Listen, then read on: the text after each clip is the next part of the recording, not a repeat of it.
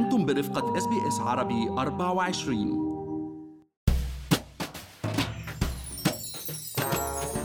بيميل الأستراليين لسداد ديونهم قبل التفكير بزيادة أو دعم معاشهم التقاعدي في صندوق السوبر ولكن لما يكون في فرصة متاحة الآن إلى زيادة عائد الصندوق بسبب انخفاض أسعار الفائدة إلى مستويات قياسية فهل من الأفضل أنه نضل عم نسدد ديون قروضنا ولا نستغل هاي الفرصة؟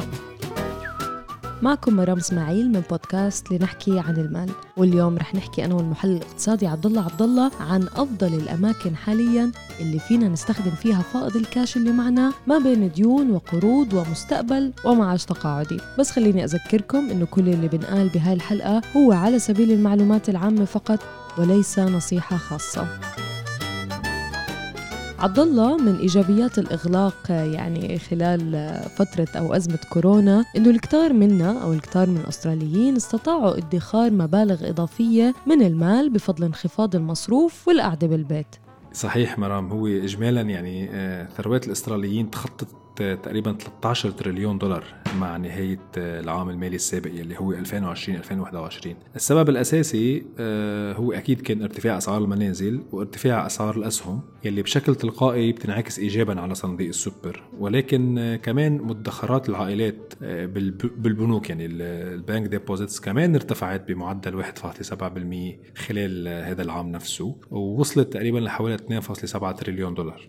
ونفس الوقت مش بس ارتفعت قيمة الأصول كمان ارتفعت نسبة مديونية هذه العائلات اللي تتخطى تقريبا 130% من الناتج المحلي وتقريبا هي تعتبر اليوم هذه المستويات ديون ال households الأستراليين أو العائلات الأستراليين من الأعلى بالعالم. لهيك عبد الله دائما أحد أكثر الأسئلة شيوعا يلي تطرح على المستشارين الماليين هي هل من الأفضل إني أحط مصارية أو أي مصاري إضافية في المعاش التقاعدي أو في حساب القرض المنزلي؟ وهل من استراتيجية أفضل من الأخرى؟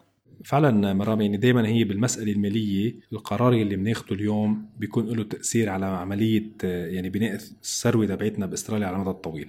أه ولكن خليني أقول أه ما في جواب أبيض وأسود على السؤال اللي طرحتيه مرام لأنه أه في بعض القواعد العامة نحن ممكن نتبعها أه ونعرف شو هو مناسب أكثر لوضعنا الشخصي بس للوضع العام أه ما في إنه والله هي أحسن منها أول شيء أكيد هو سعر الفوائد على قرض المنزل بالمقارنة بمعدل العائد على صندوق السوبر السنوي الخاص فينا. إجمالا مثل ما قلنا بالبداية بما أنه أسعار الفوائد منخفضة بهاي الأيام فالعوائد اللي رح نحصل عليها من السوبر من المحتمل أنها تكون أعلى.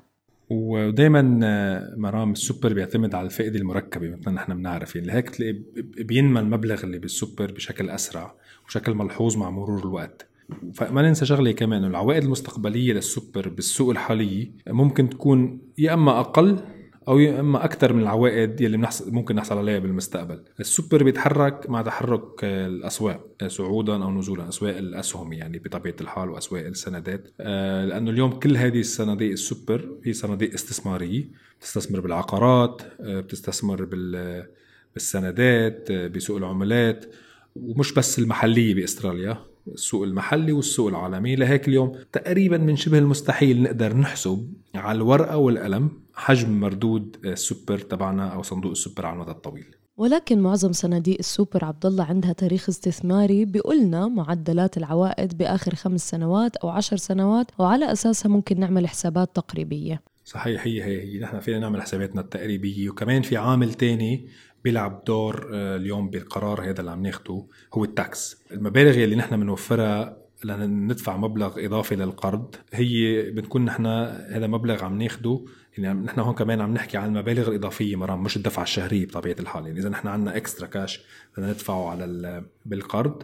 هاي المبالغ هي مبلغ صافي بعد خصم الضريبة. يعني نحن بتكون فضلت معنا بعد ما تكون الحكومة أخذت حصتها من الضريبة. في حين إنه نحن بنعرف إنه المساهمات بالسوبر بتكون عليها دائما ضريبة أقل. يلي هي آه، نسبة 15% ال contribution تبعتنا للسوبر بنسبة 15% بيكون عليها ضريبة. وهي ال 15% نسبة أقل من معظم النسب يلي بندفعها على دخلنا عبد الله، مثلا إذا طلع لنا بونس بآخر السنة ممكن نطلب من صاحب العمل يحط لنا إياه بصندوق السوبر بدل ما نقبضه كاش، وهذا الشيء رح يقلل من فاتورتنا الضريبية إجمالا. العامل الثاني الايجابي بموضوع إنه نحط نحن مالنا بحساب القرض هو إذا كان نحن من ضمن الحساب عندنا شيء اسمه الاوفست أو اللي اللي هو خاصية إنه نحن المبلغ اللي بيكون بحساب ال mortgage ال offset account بيوفر علينا الفايدة. أو إذا كان عندنا خاصية نسحب يعني إعادة سحب من من من ال mortgage account يلي هي ال redraw. redraw facility بيقولوا لها الإيجابية الأساسية من من إنه نحن نستعمل offset account أو redraw account إنه نحن بنقدر نوصل لهذا لهذه المدخرات آه، ساعه اللي بنكون بحاجة لها آه، عكس عكس السوبر. مزبوط عبد الله هذا بيختلف عن السوبر حيث لا يمكننا يعني استعمال الأموال أو إعادة سحبها لنوصل للسن القانوني للبدء بالاستفادة من السوبر. ومن الدروس اللي تعلمناها بفترة كورونا إنه كمان كلنا بحاجة لمبلغ أو مدخرات معينة نقدر نمشي فيها حالنا في حال خسرنا مصدر دخلنا أو اضطررنا إنه نوقف شغل لأي سبب. وفي السبب كمان خلينا نقول الجانب العاطفي مرام يعني مثل ما كنت قلتي بالمقدمة آه، نحن كل ما كبر علينا مبلغ الدين آه، بحسسنا يمكن بالقلق أكثر لهيك اليوم كثير من الناس بأستراليا بفضلوا يسكروا ديونهم أو يخفون آه، بأسرع يعني عاجلا أم اجلا مثل ما بنقول وبفضلوا راحة البال يلي بتجي مع هذه تصفية هذا الدين. ولكن بكل الأحوال قرار دائما بيعتمد على نحن مثل ما كنا عم نقول بأي مرحلة بالحياة كأشخاص. يعني إذا كنا مثلا بأوائل حياتنا العملية ممكن نفكر بتسكير القرض بشكل أسرع وكل ما نقرب على سن التقاعد بصير مثلا بناء السوبر بالنسبة لنا آه، عملية يمكن عندها أولوية لنقدر نحصل منه على مبالغ تكفينا عن سن التقاعد. وهذا كمان أيضا مسألة مهمة. شو ما كان القرار اللي نحن بنختاره. لازم دائما مثل أي شيء بالعالم المالي نراجعه ونعيد حساباتنا مع تحرك أسعار الفايدة الفايدة المصرفية وتقلب الأسواق صعودا أو نزولا. وبالحديث عن الأشخاص اللي هم بأوائل حياتهم المهنية الجزء الأكبر من هؤلاء عبد الله عليهم دين إضافي وهي ديون ال HECS. يعني تقريبا في حوالي 3 مليون أسترالي عليهم ديون الدراسة في أستراليا. وهذا خيار ثالث أيضا للتفكير فيه. يعني هل ندفع الدين أو نستثمر المبالغ الإضافية بالقرض أو السوبر؟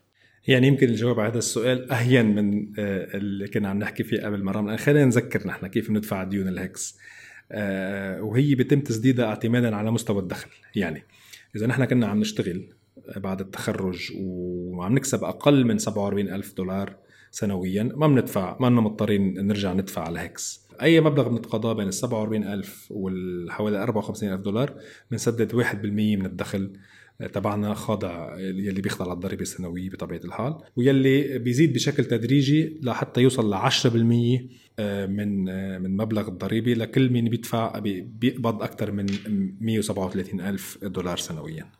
ومنذكر إنه ما في فوائد على قروض ال HECS ولكنها بتزيد سنويا بحسب زيادة مؤشر أسعار المستهلك اللي آه، يسمى بال CPI لهيك ما في فايدة كبيرة إنه ندفع المبالغ الإضافية بال HECS إذا كان في مجال نستعمل المال بالقرض أو السوبر فبيكون أحسن. صحيح يعني إذا المبلغ الإجمالي اللي نحن ممكن نوفره من فوائد القرض أكثر من الزيادة السنوية تبعت ال HECS اللي بتخضع مثل ما قلتي لل CPI فأكيد نحن اضبط نستعمله بالقرض. هلا الإيجابية الثانية again من ال HECS إنه آه بتنعكس ايجابيا إذا سكرنا ديون ال HECS على ال credit report تبعنا. يعني نحن ببين إنه ما عندنا ديون. وساعتها إذا نحن كنا ناويين ناخذ قرض آه مثلا قرض mortgage أو أي قرض ثاني بيساعد نحن ما يكون يكون ديون ال HECS مسكرة ويكون ملفنا آه، أقوى للحصول على هذا القرض. صحيح عبد الله الله يبعد الجميع عن الديون. بالنهاية خليكم معنا مستمعينا في بودكاست لنحكي عن المال لنواكب كل المستجدات يلي بتهم حياتنا المالية والعملية في أستراليا. هل تريدون الاستماع إلى المزيد من هذه القصص؟ استمعوا من خلال Apple Podcast Google Podcast Spotify أو من أينما تحصلون على البودكاست.